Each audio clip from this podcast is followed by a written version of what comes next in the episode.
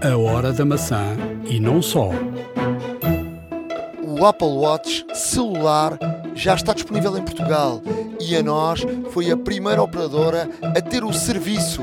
E aqui na Hora da Maçã vamos falar com Daniel Betão, diretor de marketing da NOS, sobre este novo serviço. E vamos falar sobre a última decisão da Apple, que é igualdade de género e raça na empresa. E é inevitável voltarmos a falar de um possível carro Apple que surja no mercado. Fique para ouvir, vai mesmo valer a pena. iServices. Reparar é cuidar. Estamos presentes de norte a sul do país. Reparamos o seu equipamento em 30 minutos. A hora da maçã e não só. Estamos a gravar ao final do dia 14 de janeiro de 2021.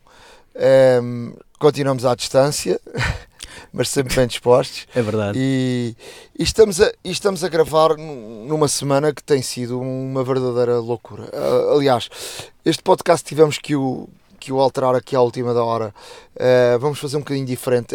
Este podcast não terá nem aplicações, nem truques, nem dicas, ah, porque, porque são muitos e muitos temas. Ah, para além disso, vamos ter aqui também uma entrevista ah, com um novo produto que chegou a Portugal, com, com o diretor de marketing da NOS, eh, sobre a questão dos relógios celulares, eh, portanto, com, pa- para ter a independência do, do, do telefone. Portanto, é, a NOS tem, tem é a primeira empresa em Portugal a ter, a, ter esta opção do Apple Watch eh, celular. Portanto, já lá iremos. Para já, eh, se calhar vamos pela última notícia que surgiu, portanto, a entrevista à CBS, à CBS eh, eh, Tim Cook anunciou que não anunciou nenhum produto novo, mas anunciou algo que, que desperta até aqui um bocadinho de. eh, hoje tive essa conversa com vários jornalistas e, portanto, até desperta aqui um bocadinho de, de uma situação um bocadinho melindrosa, porque ele diz que eh, a Apple vai, ele garante que a Apple vai ter igualdade de raça e de género. eh, portanto, vai ser uma empresa com, com essa igualdade. Ehm, qual é a tua opinião sobre isso? Olha, a minha opinião é que não deixa de ser um- aqui um passo, eh, obviamente, de, de aplaudir por parte da Apple. A Apple já tem vindo a ser cada vez mais, eh, até na última década, eh, mais consciente, eh, mais consciente do ambiente, mais consciente de, do mundo em si. Ah, e agora ao dar este passo definitivo ahm, para realmente começar aqui um programa a sério eh, de compromisso com a comunidade e de compromisso com, com a população em geral, em termos de igualdade de, igualdade de raça, igualdade de género. Uh, estamos aqui a falar, e é um programa também de justiça uh, social, lá está. Um, é, Mas tu não achas que não deixa de ser polémico?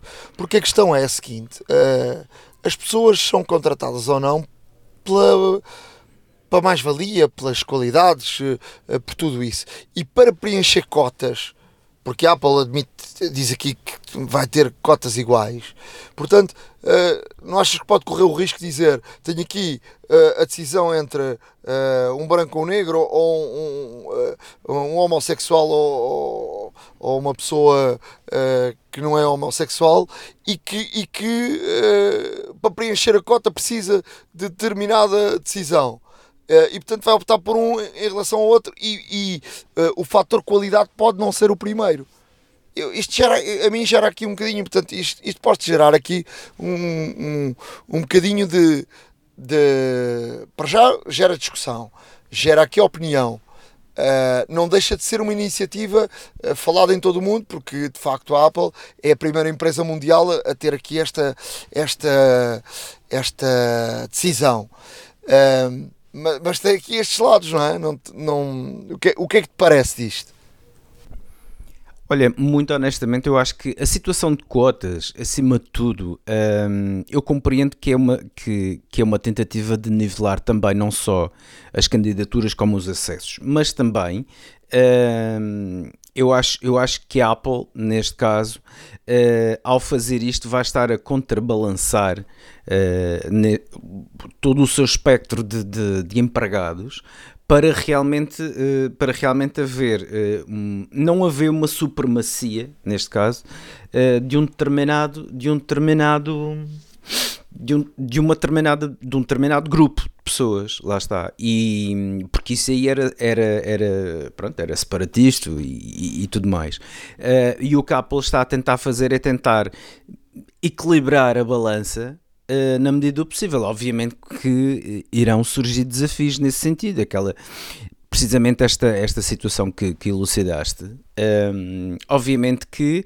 uh, eu, eu, muito honestamente, não olhando para a pessoa, iria escolher o melhor currículo, como é lógico. Acho que qualquer uma das pessoas um, que está a fazer, neste caso, entrevistas e tudo mais, uh, faria precisamente a mesma coisa, ou seja, escolhe, obviamente, pela melhor oportunidade. Isso vai criar um, um, a questão das cotas, porque se eles garantem que vão, vão, vão vão ter cotas e vão, vai ser a igualdade, vai criar aqui de certeza uh, esta, esta, esta pressão de que precisam preencher uh, determinada cota.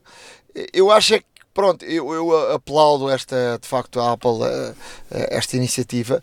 Sim, iniciativa mas é não deixa de ter aqui uh, aqui caminhos que são, que são de facto uh, discutíveis e, e, são e é assim tu não és mais e melhor por seres branco ou preto ou, seres uh, ou, ou seres homossexual ou não seres ou, tu és bom ou não és uh, e, e essa, essa que é não, essa isso... que é a questão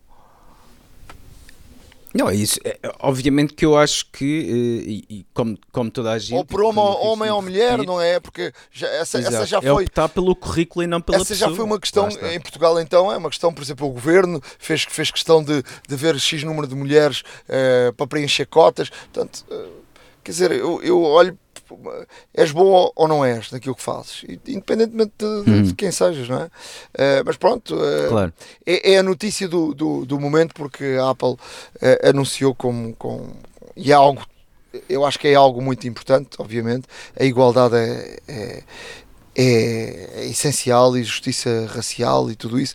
E os Estados Unidos é, é, um bom exemplo de muitas vezes não haver essa, essa justiça racial e temos bom, bom, bons exemplos ou maus exemplos recentes em relação, em relação a isso.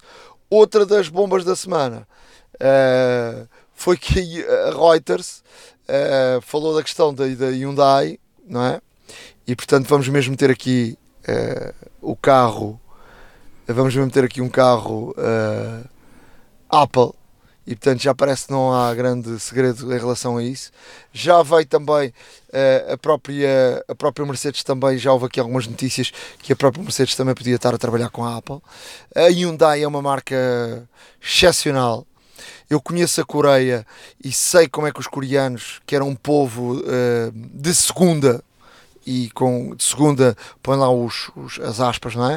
Uh, em relação aos japoneses e a forma como a união daquele povo, uh, o nacionalismo, uh, a luta por, por, pelos interesses do, do país uh, e aquela gente, da forma como, como sente o país, colocou a Coreia no topo da, do topo mundial da tecnologia não é? e, e conseguiu superar o Japão, onde era o número um da tecnologia. Eu lembro-me de ir ao Japão em 2002 e à Coreia. A Coreia estava muito atrás do Japão.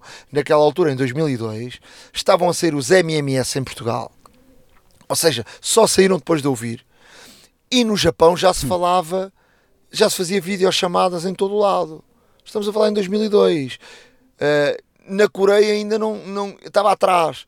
Eu, eu na Coreia, lá na Coreia, vi pela primeira vez um jogo em, em 3D. Um, ehm, vi pela primeira vez, uh, foi transmitido pela primeira vez o, o Mundial de Futebol em, em, em direto em variedíssimos sítios como o comboio, como dentro de um carro, um, como, por exemplo, ir à casa de banho. Na porta da casa de banho tinhas uma televisão. E vi, eu, eu fiz uma reportagem sobre isso que acabava eu sentado na sanita a dizer que não havia problema, que podia dar uma dor de barriga a meio do. Ou seja, obviamente não, não se via sentado na sanita, era, era meio, meio a simular, mas que podias ir à casa de banho a meio do jogo e não ias perder nada uh, do jogo. E aquilo foi uma coisa fabulosa. Eh, e na sauna, numa sauna, tinha um tipo aquário, dentro do aquário tinha televisão e dava em direto. Portanto, num comboio, era uma coisa onde anda um carro. Hoje em dia tu vês eh, televisão em todo lado, não é? Mas estamos a falar, Não, estamos a claro. falar de 18 anos, a- há 19,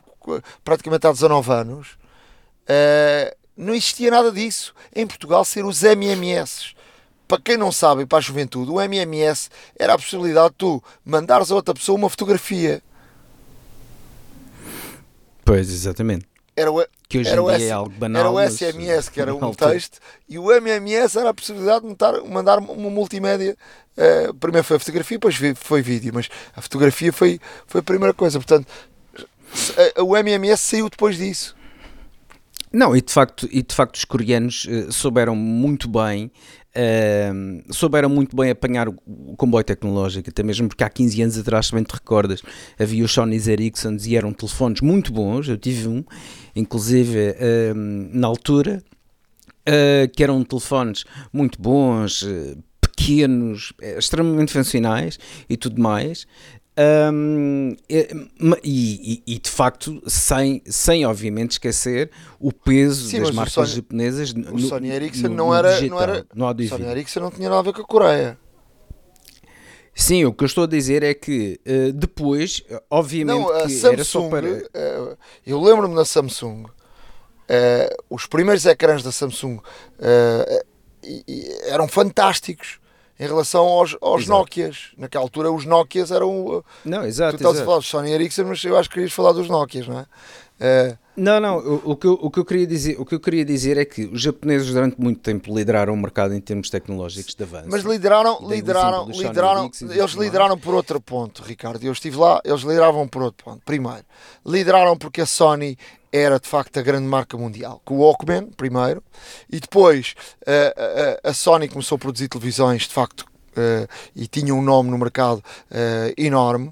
eh, e, e- e a Sony e, eh, eh, era, era uma marca brutal. E depois a seguir tinha e continua a ter as marcas, eh, as máquinas fotográficas, a Canon, a Fuji, eh, eh, que são eh, a Canon, Fuji e era outra a, Nikon. Portanto, as três, os três grandes, ainda continuam a ser eh, as três grandes marcas, mas a Sony, que era o todo poderoso, a Sony caiu brutalmente porque eh, Pois, e, e na altura, no Japão, não havia, os telefones, tinham muitas marcas deles.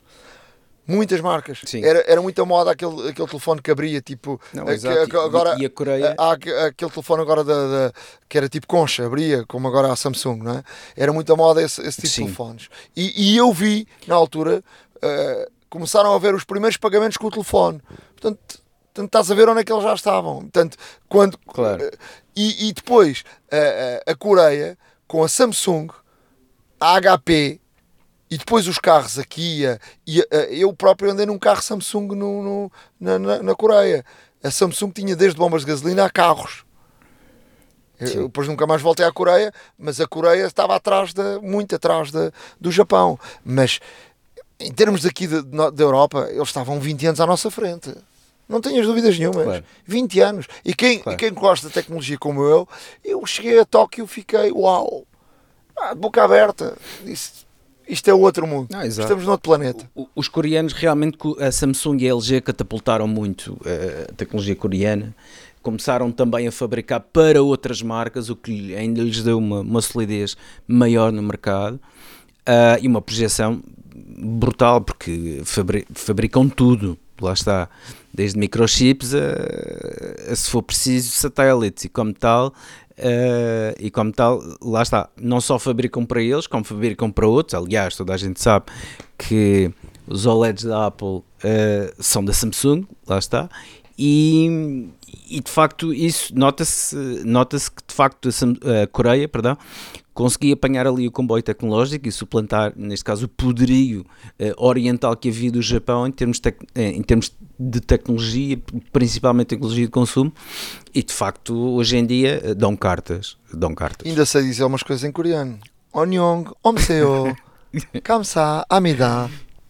É muito obrigado e, e Onyong omseo é olá, como está? Quando tu entras, diz assim, abanas a cabeça para a frente. Portanto, eh, um poliglota do mundo. Exato. Vamos aqui a, vamos aqui a outra discussão muito, muito interessante. Eu vi e depois chamei-te a atenção, tu também viste, uma reportagem uh, excepcional de um tema uh, muito melindroso. No 60 Minutes, quem puder ande para trás, vá lá ver a, a 5 Notícias, 60 Minutes. Uh, numa lei criada em 1990 e qualquer coisa, acho que é 96 ou 4, não, não, agora não, não sei dizer. 96. Que um artigo 230 que uh, iliba uh, todas as grandes empresas tecnológicas, como o Facebook, o, tudo o que tem redes sociais, de terem qualquer responsabilidade daquilo que é colocado lá nas suas redes uh, por outras pessoas. Uh, e neste momento nos Estados Unidos está-se aqui a abrir, sobretudo agora com a entrada do Joe Biden, a abrir aqui um, uma discussão enorme que esta lei é impossível que, que, aconteça, que esteja como está, que, que seja uh, que vá para a frente. E, e é aqui uma, abre aqui uma discussão enorme desde boatos que são criados uh, contas falsas um, a gente a ser ameaçada. Uh, eu próprio posso falar na primeira pessoa que já me foi criado um boato em, em Portugal de uma história que ou seja, uma história bem contada com coisas que não aconteceram daquela forma, uh, fui acusado de plágio de uma coisa que não era verdade. E tu chegas a um ponto que já não tens meios para, para, para, para combater isso.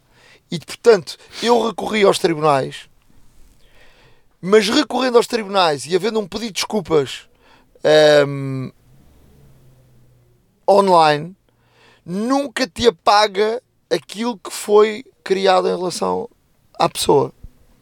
E eu estou aqui a dizer isto e digo abertamente porque eu sou daquelas pessoas que não tenho uh, e, digo, e digo na cara das pessoas. Ainda no outro dia encontrei um jornalista reputado desta, deste país e que se faz passar por ser um jornalista muito reputado, que é o Carlos Vaz Marques, portanto, do, do Governo Sombra, e disse na cara que era uma vergonha ele ter feito o retweet de, de, dessa notícia sem sequer ter preocupado com o código deontológico dos jornalistas, que é, pelo menos, confirmar com as fontes. E portanto, estou a dizer isto abertamente, que é para as pessoas também perceberem que, que isto não vale tudo na internet. Uh, ele fez o retweet, ele e muito mais gente fizeram o retweet e, e, e eu fui dizendo na cara de, de todas as pessoas uh, que eram irresponsáveis por fazer o retweet uh, e alguém que é jornalista que tem o dever de, de, de perguntar às fontes se é verdade ou não que não o fizeram, não cumpriram. E ele ainda me diz, e eu disse, mas tu esqueceste e depois houve um pedido de desculpas e não, e não o fizeste. E ele desvaloriza, ah, mas esse pedido de desculpa nem, nem vi, nem sei. Claro, o pedido de desculpa já não interessa. O pedido de desculpa nunca interessa, porque o, o mal já lá está. Agora, um, ehm, e eu já te vou dar, passar a palavra. Agora, o que é que é aqui importante e que me parece muito importante nisto tudo? É, primeiro, as redes sociais têm que ser responsáveis. E sendo responsáveis, as redes sociais, uh, e, e, no, outro dia também uh, uh, vi atentamente a Cristina Ferreira escrever um livro sobre, sobre isso. E, e, e, este livro da Cristina Ferreira também tem muito a ver com isto. Uh, isto não vale tudo nas redes sociais e, portanto, as pessoas têm que ser responsabilizadas. Como é que têm que ser responsabilizadas, no meu, meu ponto de vista? Se estas empresas das, de, dos Facebooks, do Twitter, das redes sociais todas, tiverem que, que, prestar responsabilidade, uh, tu não podes criar uma conta sem, sem dados nenhums. Tu podes criar uma conta numa rede social inventando os nomes que quiseres. E com a inteligência artificial a funcionar, há empresas uh, a funcionar com uma pessoa que tem milhares de contas a funcionar que não são verdadeiras e que uh, fazem espalhar uma notícia falsa de uma forma uh, abismal. Qual é o meu ponto de vista? O meu ponto de vista é esta lei está errada. Nos Estados Unidos está-se a chegar à conclusão disso também. Já houve até pessoas que se, que se suicidaram uh, por causa de, de, situações destas. O qual é o meu ponto de vista? O meu ponto de vista é o seguinte: tu queres abrir uma conta numa rede social? Sim. Então tu, tu tens que fornecer a essa rede social, essa rede social tem de te exigir os teus documentos, o teu passaporte, quem tu és, a tua morada tudo isso. Também tem que garantir também é verdade, tem que garantir e, e pronto, e, e, todos nós estamos caldados, tem que garantir aqui a privacidade. A privacidade, a privacidade. Claro. Mas tem de haver aqui algum tipo de um, uh, eh, documentos oficiais para tu abrir uma conta, porque se qualquer pessoa abre uma conta e diz o que quer e inventa um nome e, e acabou e faz o que quer e não vale tudo nas redes sociais. Portanto, temos que parar, o mundo tem que parar e estas grandes empresas têm que ser responsabilizadas. A Europa tem, tem, tem feito um trabalho enorme, muito, muito, muito maior do que, do que os Estados Unidos, eh, até porque quem geria os Estados Unidos eh, tinha todo o interesse em que isto fosse assim. Esperemos bem que com o Joe Biden as coisas mudem, mas eu acho que tem que haver aqui regras. Uh, e vou-te dizer outro, tipo de regras, que é, por exemplo, tu tens o YouTube e há milhares de pessoas a ganharem muito dinheiro com imagens das televisões que não lhes pertença, que não têm o direito de publicarem isso. E as televisões estão a perder, as televisões, os filmes, os criadores, a perder milhões à conta de não haver regulamentação e de ser difícil tu poderes uh, dizeres uh, este, este vídeo é meu e não é possível, uh, o vídeo é meu, eu tenho os direitos do vídeo e vocês não têm que publicar. Hoje em dia, por exemplo, a Premier League tem feito um trabalho brutal já com a inteligência artificial. Que tu, quando tentas publicar alguma coisa que tem a ver com a Premier League, já há algumas barreiras e, e são apagados automaticamente. Mas tem de haver aqui também um trabalho nesse aspecto, porque ehm, tem que haver regras. Isto não vale tudo. Não vale ganhar dinheiro com imagens que são dos outros e não vale uh, dizer aquilo que queremos nas redes sociais. Porque eu muitas vezes, houve pessoas que disseram e fizeram coisas nas redes sociais e eu confrontei-os olhos nos olhos, porque eu gosto de confrontar as pessoas olhos nos olhos, depois as pessoas já não, não falam da mesma forma.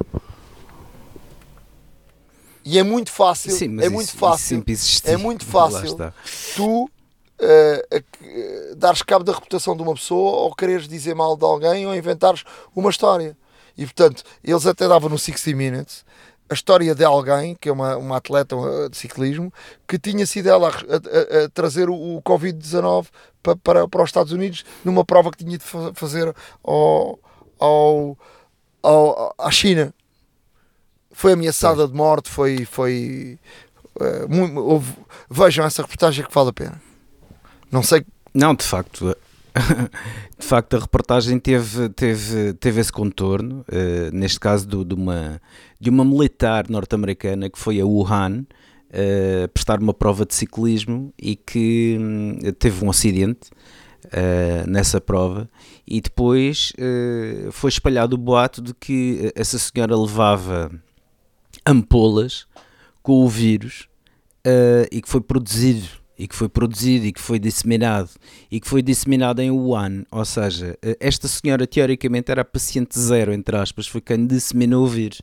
Uh, e este, este boato foi alimentando uh, várias pessoas, foi alimentado também por várias pessoas, uh, ao ponto de que existem, existem, existem provas, lá está, dadas pelo casal, Uh, que de facto uh, já receberam ameaças de morte, até mesmo porque foram, foram publicadas uh, não só as identidades, como a morada das pessoas também, o que faziam, onde iam e tudo mais, e nesse aspecto. E nesse aspecto tudo é condenável. Este, este artigo, esta secção 230, como lhe chamam, um, efetivamente está, uh, está realmente aqui uh, presente nos Estados Unidos há, há mais de duas décadas uh, e, e, querem, querem, neste caso, fazer uma alteração e aplicar regulamentos a esta secção. Porquê? Um, há um constitucionalista norte-americano que diz que esta secção 230 foram as 26 palavras que mudaram a internet. Um, isto traduzido a português, basicamente diz que as plataformas de internet não são, não podem ser responsáveis pelas publicações dos seus utilizadores. E com isto, uh, com isto acontece imensa, imensas coisas uh, nefastas uh, a pessoas que são alvos, neste caso, de, de inveja, de seja do que for. Ou seja, as pessoas podem passar anos, décadas, se calhar, a construir uma reputação e em minutos, segundos, obviamente que é pode ser destruída pela disseminação destes boatos. E realmente o que procuram, o que procuram fazer eh, é de facto chamar a atenção, eh, regulamentar bem a lei das comunicações. Eh, há um Communications Decency Pact de que de que realmente vai, vai aplicar regulamentos sobre esta secção 230, porque se tu, por exemplo, se tu, por exemplo, fores uh, caluniado por uma pessoa ou se espalharem um boato sobre ti uh, numa rede social, tu até consegues saber quem foi a pessoa que originou esse, esse boato, ou esse tweet, ou esse post no Facebook, seja o que for, e consegues. Um, consegues neste caso processar a pessoa, mas não consegues processar a plataforma. A plataforma que, por questões de algoritmo, pode estar a fazer tweets e retweets automáticos, pode estar a publicitar certas e determina, certos e determinados conteúdos, um, como foi o caso do que se viu na peça uh, no YouTube, uh, que mostra um vídeo de 2015 em que uma jornalista e o operador de câmara são mortos a tiro em direto. É filmado pelas câmaras um, por um, por um ex-colega que foi despedido e estava descontente, então decidiu vingar-se. Um, e realmente o pai dessa o pai dessa jornalista está até hoje a tentar que uh, o que YouTube apague definitivamente o vídeo porque o vídeo é posto e reposto uh, por várias pessoas uh, e realmente não consegue. Houve um senhor até, por exemplo, que, cujo filho foi morto, infelizmente uma criança foi morta numa escola Uh, com, vari, com várias outras pessoas, alunos, docentes, uh, auxiliares e tudo mais, nos Estados Unidos também, uh, e houve pessoas que espalharam o boato que foi ele que, que tinha morto o filho, foi ele que. Houve outras pessoas que espalharam o boato que ele nem sequer era pai do, da criança que morreu. Houve pessoas que espalharam o boato um, de, que, de, que, de que ele realmente até estava a fazer publicidade para obter dinheiro uh, em termos de ajuda. Uh, ao que o senhor, obviamente, uh, reagiu. Ao reagir, um, formou uma, uma rede, a, a, Honor Network, que ajuda precisamente indivíduos um, a combater uh, esta situação. E isto originou como? O senhor escreveu uma carta pública ao CEO do Facebook, Mark Zuckerberg, um, a tentar fazer uma humilhação pública do Facebook, porque o senhor até ameaças de morte recebeu. Uh, e obviamente não só, não só a indignação que nós temos, uh, acima de tudo a perda, não é? De, de, uma, de, de, um filho nosso, mas a indignação ainda por cima de dizerem que fomos nós que matamos a criança, de, sugerirem que nós estamos a fazer dinheiro com a publicidade de, deste ato hediondo que ocorreu numa escola. Um, e tudo aqui gira e gravita à volta desta situação, porque de facto nos Estados Unidos, e graças a este artigo, as empresas de internet não podem ser consideradas responsáveis não, são, não têm qualquer tipo de responsabilidade sobre tudo o que é colocado uh, pelos seus utilizadores. E isto realmente as pessoas disseram: basta, não pode ser. Uh, e isto tem que parar. Este senhor, por exemplo, que criou a Honor Network, atualmente ajuda pessoas, realmente ajudou, por exemplo, o pai da jornalista que foi morto em direto, a combater o YouTube para que o vídeo fosse retirado uh, do YouTube. O YouTube lançou inclusive um anúncio em que diz que não há espaço no YouTube para conteúdos que explorem eh, atos horrendos e gastamos nos últimos anos eh, recursos eh, e investimos ferramentas eh, em, em protocolos e políticas para rapidamente o remover. E, e, aqui vemos que de facto as coisas começam a mudar, estão a mudar lentamente. Uh, o Twitter e o Facebook, por exemplo, já, já conseguem impor alguma censura, já conseguem, já conseguem, neste caso, impor também alguma, alguma nota de cuidado uh, no conteúdo.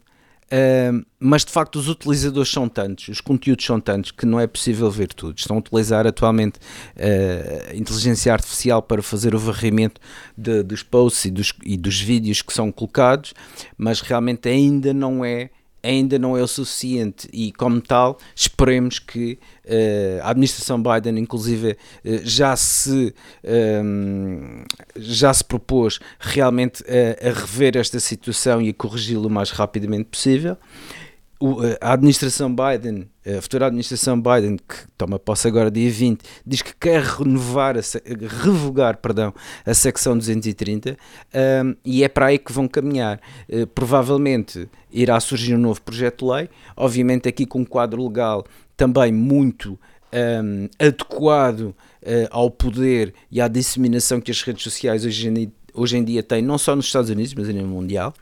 Como tu disseste bem, a Europa está a fazer bem, uh, está a fazer bem este papel. Há alguns anos atrás que entrou o RGPD, que uh, ainda assim nos vai protegendo uh, de alguma coisa e que, e que realmente é bem visto pelos norte-americanos. Acham que de facto é uma excelente opção que a Europa tomou e como tal também os, os norte-americanos estão a começar a ficar um pouco fartos uh, desta exploração por parte da, das redes sociais, muitas vezes da dor, da angústia uh, de várias pessoas uh, e como tal esta, isto promete ser um, um, assunto muito, muito falado agora nesta administração Biden, um dos muitos, não é? lá está, um, e, e, realmente uh, a adaptação das empresas a isto, porque, porque realmente as empresas, ao fazer isto, vão perder dinheiro. Vão perder dinheiro, tanto que o vídeo do YouTube, por exemplo, da jornalista que, estava, que foi assassinado em direto, uh, indica, a publicação que existe indica que a pessoa chegou a ganhar dinheiro a postar o vídeo. Portanto, uh, isto simplesmente não pode acontecer. Isto é explorar a dor alheia e, e no mundo, obviamente, uh, correto não deveria acontecer, infelizmente acontece, mas esperemos que agora, com, com a nova presidência, as coisas comecem realmente a tomar o rumo devido uh, e a ser regulamentadas, porque de facto é o que é necessário. Já há em Portugal a possibilidade de ter um Apple Watch uh, celular. Vamos até a nós. Já voltamos eu e o Ricardo porque há muitas notícias. Vamos até a nós para sabermos tudo sobre esta, este novo relógio e esta nova solução que existe em Portugal. iServices. Reparar é cuidar. Estamos presentes de norte a sul do país. Reparamos o seu equipamento em 30 minutos. A hora da maçã e não só. Há muito que se fala da, da questão do Apple Watch celular e há muita gente à espera à espera que o Apple Watch celular uh, pudesse ter o serviço em Portugal uh, para deixar o, o, o, telefone de lado. Uh, e a partir de agora é uma realidade. A nós foi a primeira empresa em Portugal a ter este serviço e agora, na hora da maçã, junta-se a nós Daniel Beato da, da Nós para nos explicar então, de facto, um pouco como é que é este serviço e como é que a nós, de facto, é a primeira empresa em Portugal a ter esta possibilidade de, de um Apple Watch uh, celular. Olá Daniel, obrigado por juntar aqui à, à Hora da Maçã.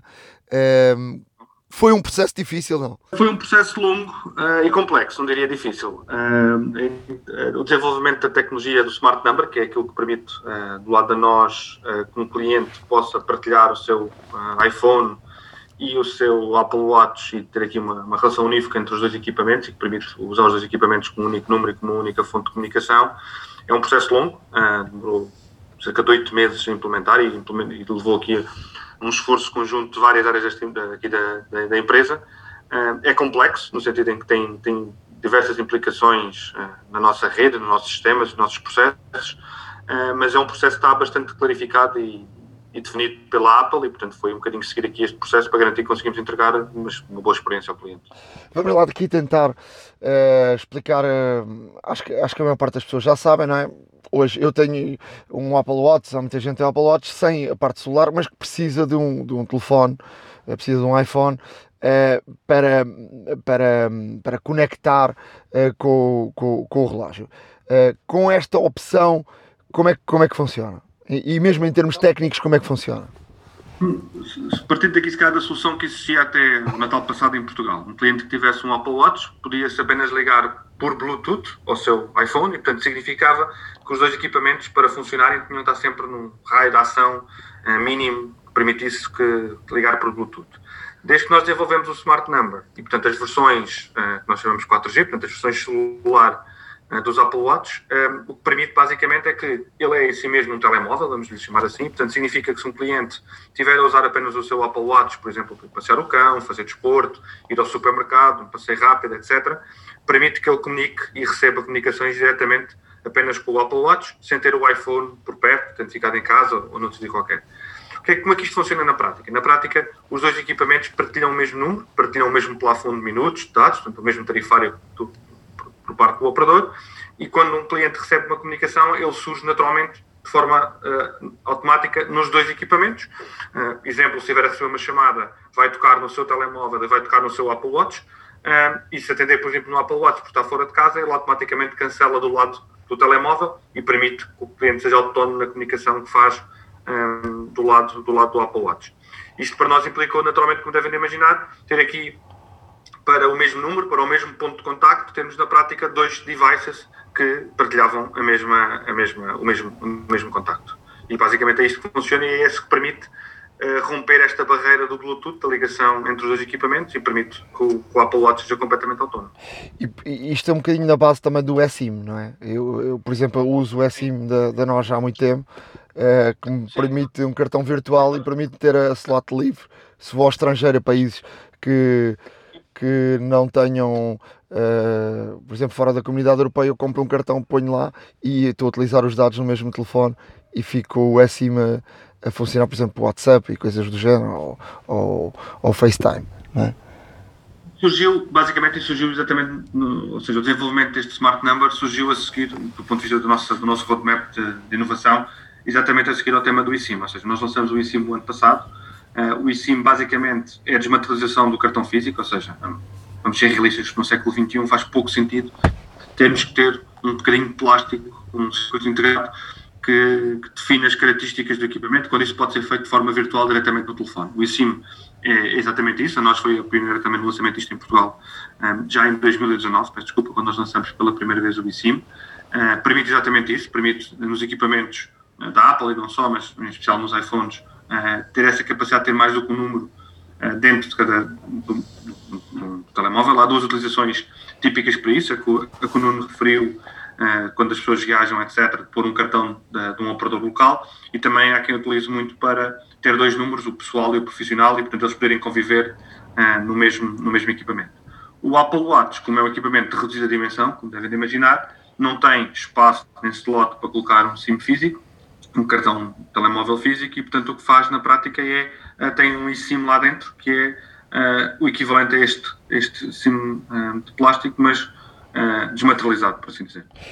Vou aqui fazer duas questões porque haverá gente com, nesta situação. Primeira, gente que já comprou um, um, Apple Watch fora de Portugal porque em Portugal não se vendia e quer aderir a este serviço da da, nós, o que é que deve fazer? E depois já lhe faço outra pergunta a seguir, eh, para quem não tem, uh, ou se quiser responder de imediato, quem não tem um Apple Watch, eu até estou a abrir aqui a página da nós, estou a ver que vocês próprios vendem uh, o Apple Watch, uh, até quem quiser comprar em prestações, vejo aqui que, que, também tem essa facilidade. Pode-me lá explicar um bocadinho como, é, como é que se faz para estas duas situações? Isto, isto basicamente, uh, este serviço Smart Number funciona para equipamentos comprados com nós ou comprados em qualquer outro local, ok? Um, ehm, portanto, nós não temos, nós vendemos equipamentos Apple Watch da mesma forma que vendemos iPhones, mas também os nossos cartões e as nossas tecnologias funcionam em iPhones vendidos por nós ou vendidos por outro, outro player de retalho uh, qualquer. Uh, e isto, é, isto é, é, é compatível com estes equipamentos, independentemente dos equipamentos nossos. Um, como é que isto funciona? Isto basicamente é preciso fazer um emparelhamento entre os dois equipamentos. Isto é feito um, na, na, no próprio equipamento, ou seja, tipo, é, um, é, tudo feito a partir do iPhone, ok? Portanto, não há aqui uma lógica de ter que ir a nós ou ter que falar com nós especificamente para fazer este, este, este processo, ou seja, o cliente faz através do iPhone, faz o emparelhamento do sistema um, do Apple Watch e ao fazer esse emparelhamento uh, vai-lhe aparecer, no caso da nós, como a nós tem esta tecnologia, portanto já está certificada junto à Apple para fazer isto. Se o cliente for nós, Portanto, se ele detectar que tem um cartão da nós, vai permitir fazer o processo de emparelhamento, naturalmente autorizar a utilização deste serviço, com os seus termos e condições, o seu pressário uh, específico, e, é tudo feito na prática dentro da, da aplicação do, do smartwatch. Portanto, eu não preciso de ir a uma loja para fazer isso. Não é preciso ir a uma loja para fazer isto, é uma experiência 100% digital, ok? Eu estou aqui a ver, eu estou aqui a ver, peço desculpa Daniel, estou aqui a ver na página que uh, oferecem 6 meses de conectividade e uh, 4,49€ por mês é o, é o, é o valor uh, que depois se paga, não é? Sim, sim. Basicamente, uh, o que estamos aqui, portanto, durante os primeiros seis meses o serviço é completamente gratuito e, portanto, o cliente não tem nenhuma fidelização, o cliente pode desativar se quiser mais tarde, se não achar que, não, que a experiência não, não está a ser útil não quiser pagar o valor. E depois, a partir dos, dos primeiros seis meses, uh, por, cada um, por cada número que tem esta capacidade, o valor custa são 4,49 por mês e pode ter um, pode, quer dizer, cada pessoa da família pode ter uma, uma solução ou apenas, apenas um para, para uma das pessoas. Uh, nós temos, isto é, é mesmo direto, ou seja, e já agora só a simplicidade da configuração é que é um ponto importante. Uh, isto é só aproximar o Apple Watch uh, do equipamento e vai aparecer um pop-up no iPhone e depois é simplesmente seguir os passos da Apple, com a experiência que todos reconhecemos a Apple de simplicidade de utilização, e fazer a configuração e autorizar o, o serviço. isto para quem tem um equipamento. Se não tiver um equipamento, como a nós disponibilizou isto para Portugal, é o primeiro operador a disponibilizar isto em Portugal, significa que não só a nós, mas qualquer outro retalhista passaram a poder vender este equipamento, que não estava disponível para Portugal, porque a Apple só, só disponibiliza este tipo de equipamentos quando há pelo menos um operador nesta geografia, neste país, a disponibilizar este, este serviço e portanto podem comprar connosco ou com qualquer outro player, com, qualquer outro player ou qualquer outro um, retalhista, os principais retalhistas em Portugal, sendo que connosco os clientes nós naturalmente têm aqui um conjunto de condições especiais, como disse, com prestações sem juros, etc. Uh, eh, tipicamente como nós temos para, para, os nossos clientes. Em termos de objetivos, vocês estão a pensar uh, como é que estão a olhar para este, para este produto? Uh, estão a olhar para um produto, falou-me aqui várias situações há pouco, mas também podemos olhar para, para gente que faz desporto, por exemplo, desporto aquático, não é? hoje podemos estar dentro de água e, e, e, tocar o telefone, ou seja, toca o relógio, não é? Isso, isso pode ser aqui um pode ser aqui uma, uma solução muito boa para, para, por exemplo, para este lado, para os surfistas. Ainda por cima, Portugal é um, é um país de surfistas, não é? Sim, isto tem múltiplas aplicações. Eh, por exemplo, eh, até eh, monitorização de sinais de saúde, não é? que permite que esteja sempre consigo, independentemente da situação, do sítio onde está, se tem o seu telemóvel, se não tem o seu telemóvel.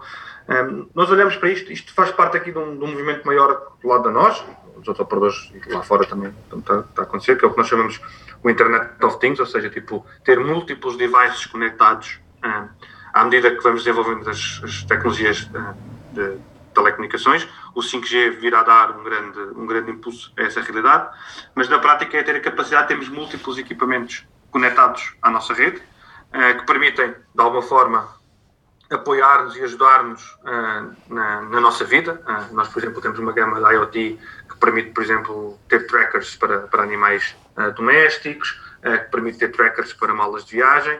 E o Apple Watch e, e esta tecnologia de Smart Number insere-se neste, neste movimento do nosso lado, que é dar aos nossos clientes essa capacidade de ter a sua vida conectada, ok? E, portanto, poder tomar melhores decisões e ter melhor informação e poder atuar sobre ela na prática, ok? Um, Obviamente, uh, isto uh, é um produto, uh, não, não, vou negar caro, o Apple Watch, o equipamento em si mesmo, estamos a falar dos, dos, dos mais baratos, julgo eu começam cerca dos 350 euros. Os, não, traze, uh, traze, eu estou aqui a olhar para os preços o, dos produtos Apple. Uh, 398.98 o Apple Watch SE celular 44.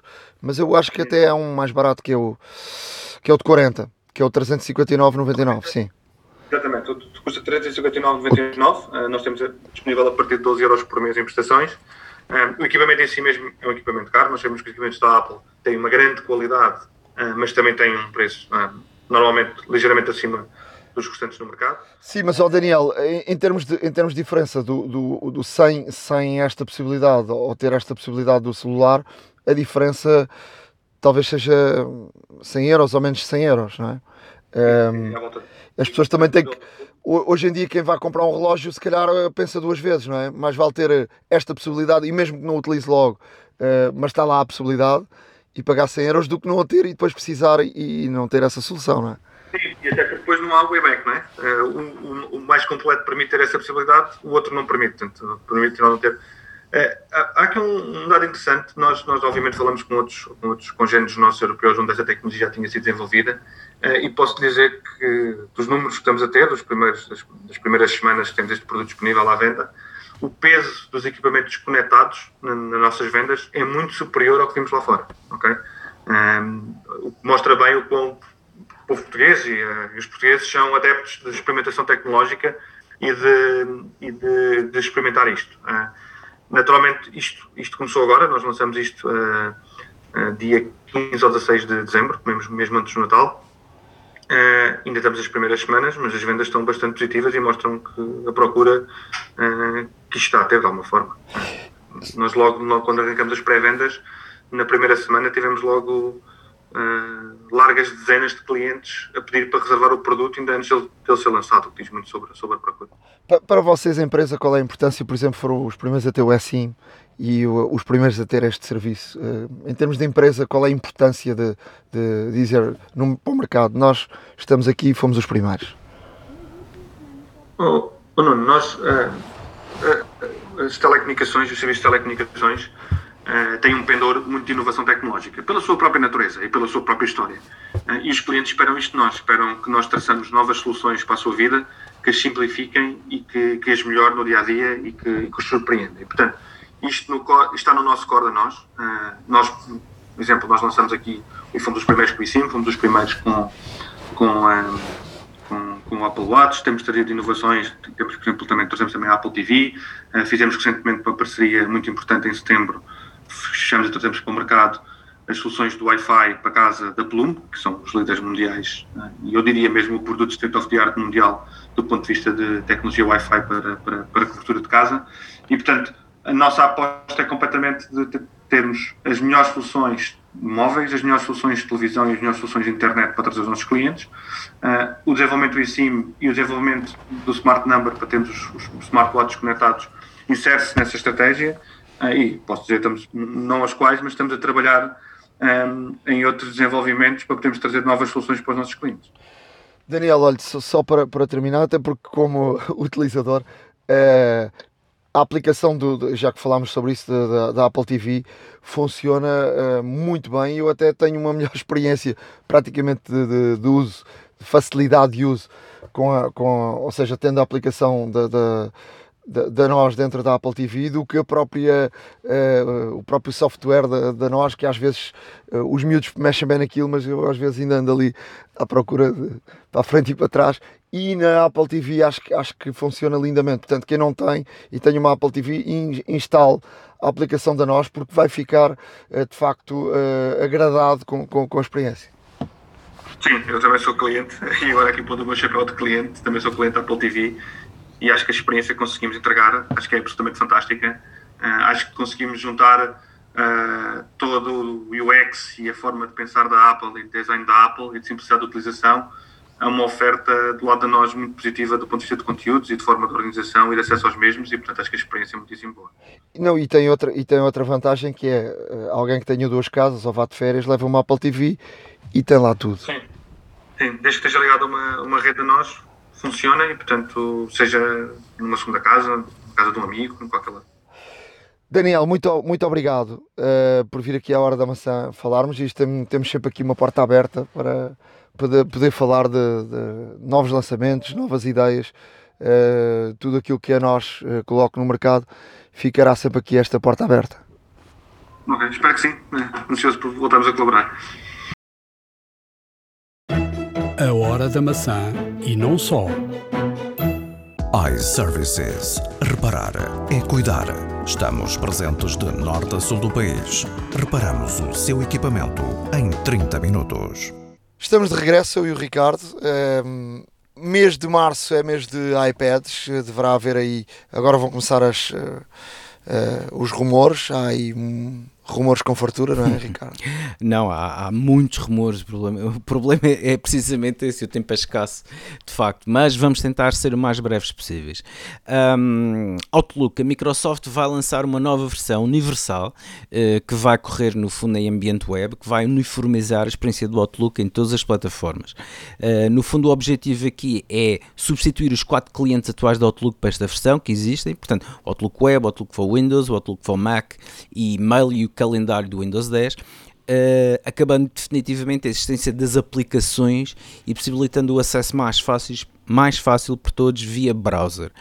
Um, e aqui fica, em muito em breve, uh, será neste caso o Outlook browser via internet. Um, Já que estás a falar da Microsoft, uh, dizer que a Microsoft vai lançar o novo Surface Pro 7 e eu estava a dizer que mês de março é mês de iPads, uh, sobretudo o iPad Pro tem que ser atualizado por causa do Air. Neste momento o Air tem um, um processador mais avançado que o, que o próprio Pro. A ver, vamos se vai haver mais alguma novidade. Também já se falou do Mini que vai deixar de ter as bordas, vai ser um, uma coisa diferente. A ver, vamos. Mas este novo Surface Pro 7 é, basicamente em termos de em termos de visuais é muito igual. Mas tem aqui uma coisa que me chama muito uh, a atenção que é o tem um SSD removível. Portanto é uma coisa muito muito interessante com com também com com câmaras novas, com uma série de, de situações novas, mas tu podes remover o SSD e em vez de teres de 125 passa a ter 225 ou 500 ou, 1000, ou, um, ou 1 giga e por aí. Olha, uh, eu, eu, queria deixar aqui um, um, uma nota de rodapé também, uh, porque uh, isto tem a ver com, com o lidar uh, e o lidar está cada vez mais a ser utilizado. Várias aplicações já existentes e outras que surgem estão a aproveitar ao máximo as potencialidades deste scanner que, como se sabe, existe na gama Pro, nos iPad e nos iPhone, um, mas uma coisa, uma coisa é certa: uh, há um novo efeito no TikTok que demonstra o funcionamento do, do LIDAR nos, nos, nos iPhones 12 Pro, Pro e Pro Max em que no fundo uh, ao ver um ao, portanto o efeito basicamente é isto. Uh, está está vê-se uma pessoa num, numa divisão vê-se depois um, um vê-se depois balões que o ano 2020 a passar para 2021 explodem e depois vemos uh, bocadinhos de, de balão a espalharem-se tridimensionalmente pelo espaço, ou seja, a caírem em cima da mobília, a ficarem, a ficarem no chão, a ficarem dobrados, etc. Portanto, é um efeito que, lá está, através do lidar conseguem ver em que superfície é que estão e uh, é moldado precisamente uh, estes bocadinhos dos balões uh, e isto tudo em tempo real. É, é bastante interessante, vamos deixar para verem.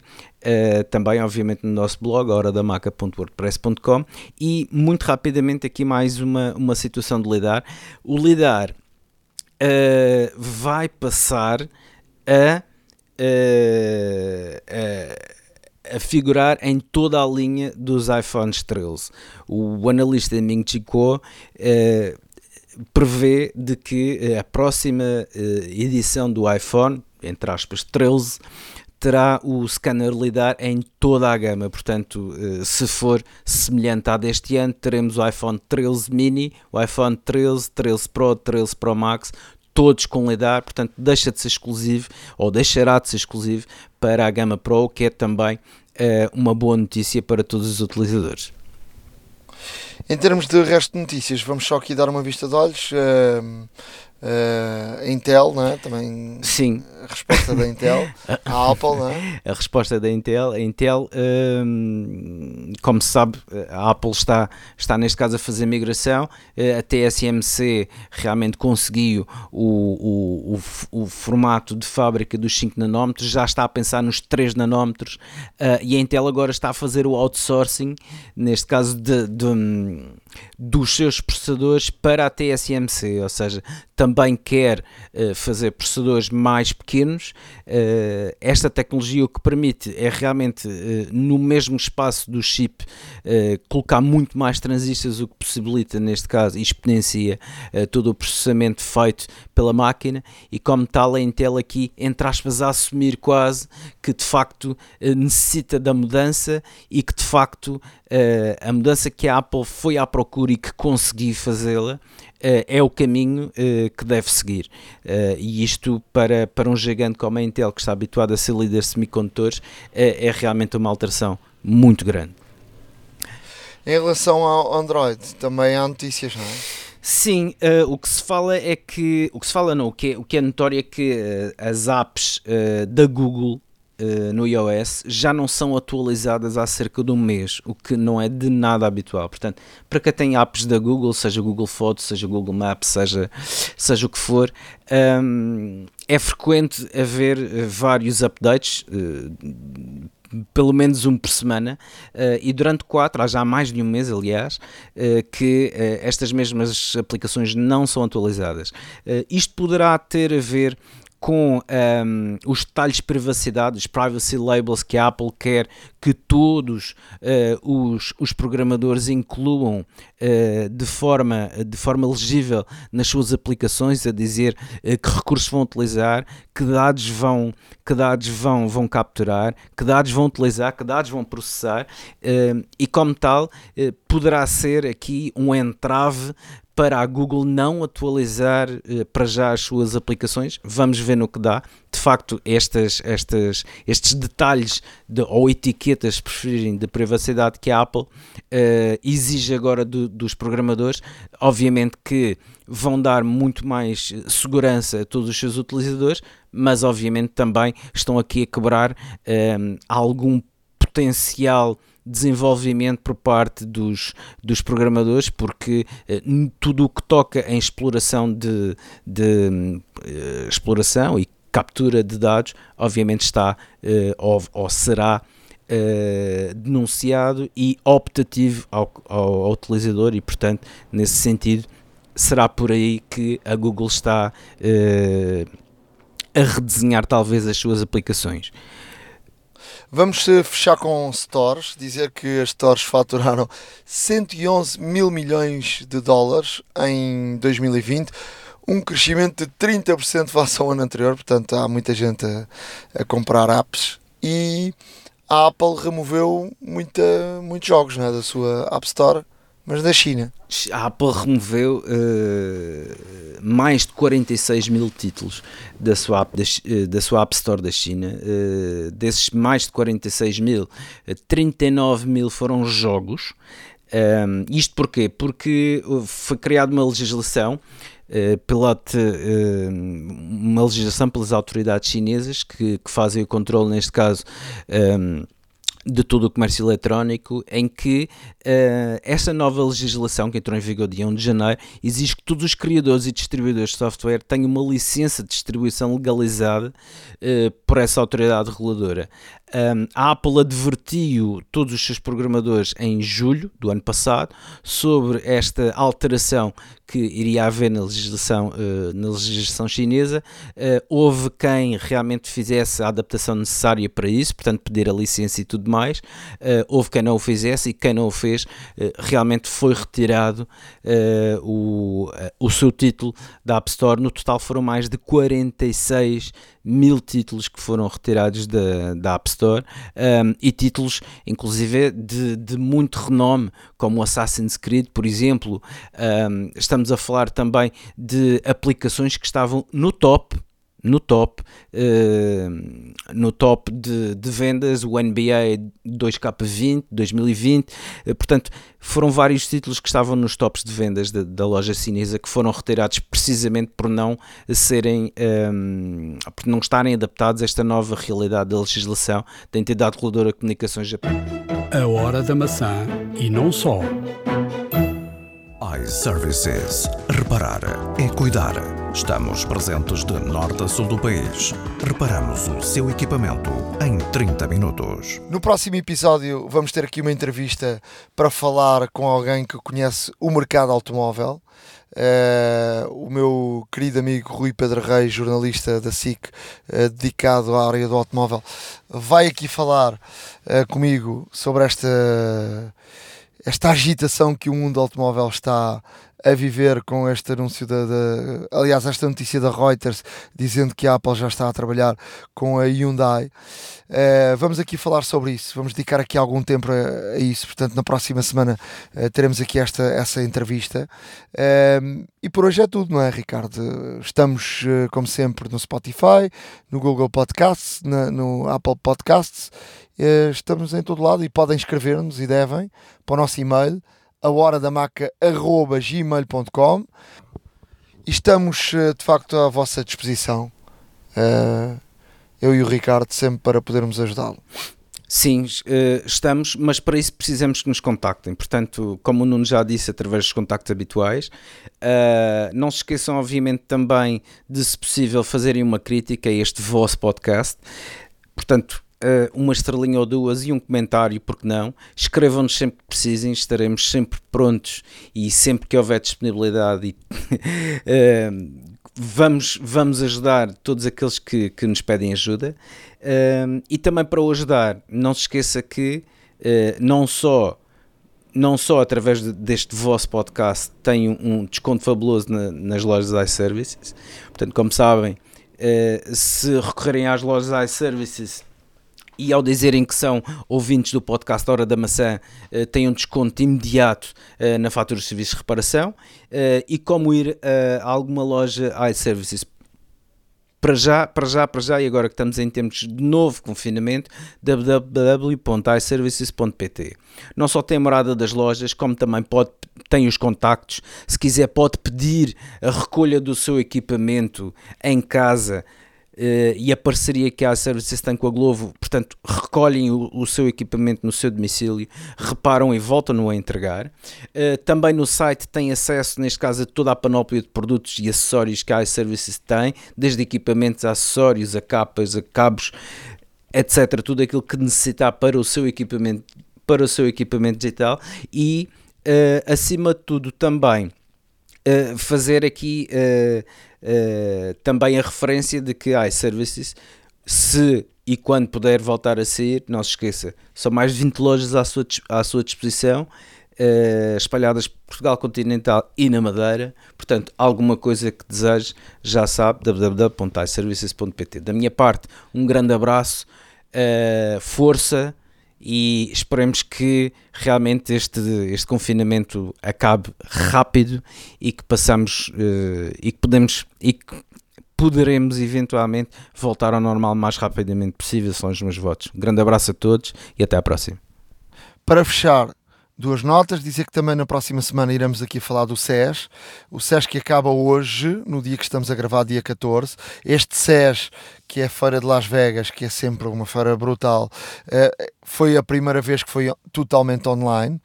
Eh, e portanto iremos aqui debruçar sobre aquilo que passou e o mais importante do SES no próximo podcast.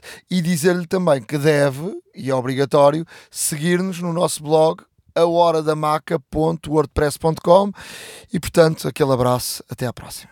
iServices. Reparar é cuidar. Estamos presentes de norte a sul do país. Reparamos o seu equipamento em 30 minutos. A hora da maçã e não só.